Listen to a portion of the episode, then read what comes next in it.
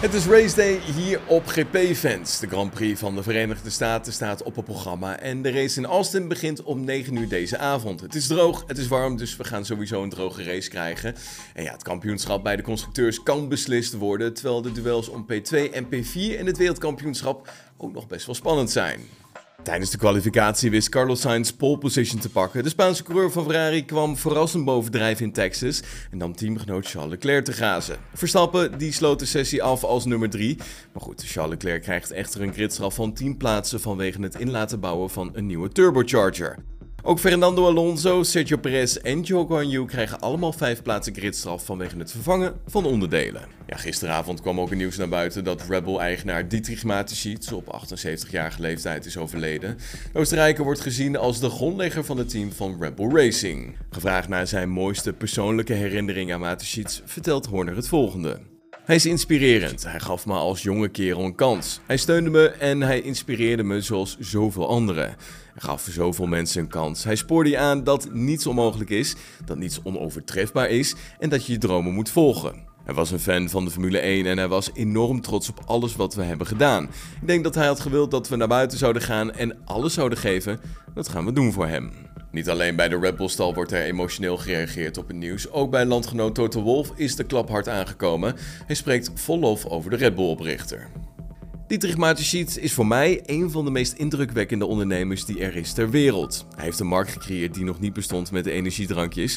Hij heeft een van de beste merken ter wereld weten op te bouwen en we zijn hem een hoop verschuldigd qua sport. Niet alleen Spielberg en ijshockey, maar alle actiesporten. Er is niemand zoals hij en het is een trieste dag voor alle Oostenrijkers. Al dus de emotionele Toto Wolf. Max Verstappen die eindigde dus op P3 tijdens de kwalificatie in Austin. Was niet helemaal tevreden, maar had vooral ook ergens anders zijn aandacht voor, namelijk voor Dietrich Mateschitz.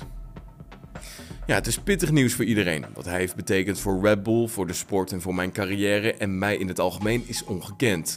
Het is een lastige dag en verschrikkelijk nieuws. We hebben natuurlijk alles gegeven tijdens de kwalificatie en net pol gemist. Maar er is nog een race en we gaan hem morgen proberen trots te maken.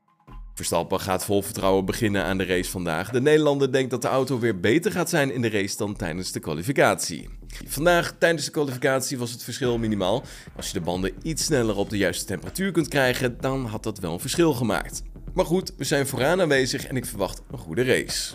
Ondanks dat Carlos Sainz onwijs snel was tijdens de kwalificatie en de pole position wist te bemachtigen, is de Ferrari-coureur nog wel op zijn hoede. Sainz eh, weet wel met wie hij rekening moet houden tijdens de race en rekent zich dus nog lang niet rijk.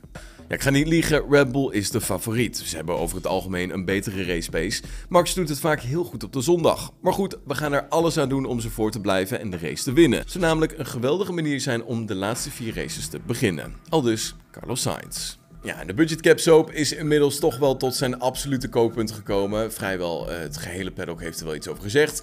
Maar Christian Horner en zijn team die wassen de handen in onschuld. Nou, inmiddels is de teambaas samen met Adrian Newey weer op bezoek geweest bij VIA-president Mohammed Ben Sulayem. Ja, op de persconferentie van de teambazen liet Christian Horner zich nogmaals uit over de zaak en hoopt het snel af te kunnen sluiten.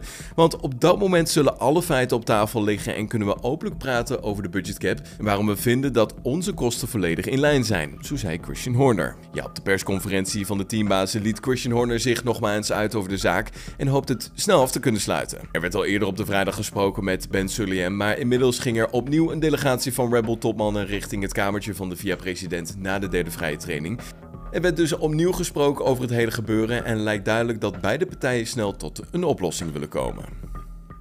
Ja, gisteravond, mocht je het gemist hebben, kwam ook een nieuws naar buiten dat Logan Sargent de opvolger gaat zijn van uh, Nicolas Latifi, mits hij wel genoeg punten haalt om zijn superlicentie te halen. Latifi zei tegenover ons ja, dat hij wel had verwacht dat Sargent zijn plekje over zou nemen, aangezien hij een sterk jaar heeft in de Formule 2 en hij een slecht jaar in de Formule 1. Hij wenst hem het allerbeste en hoopt dat hij genoeg punten kan halen om zijn licentie te krijgen.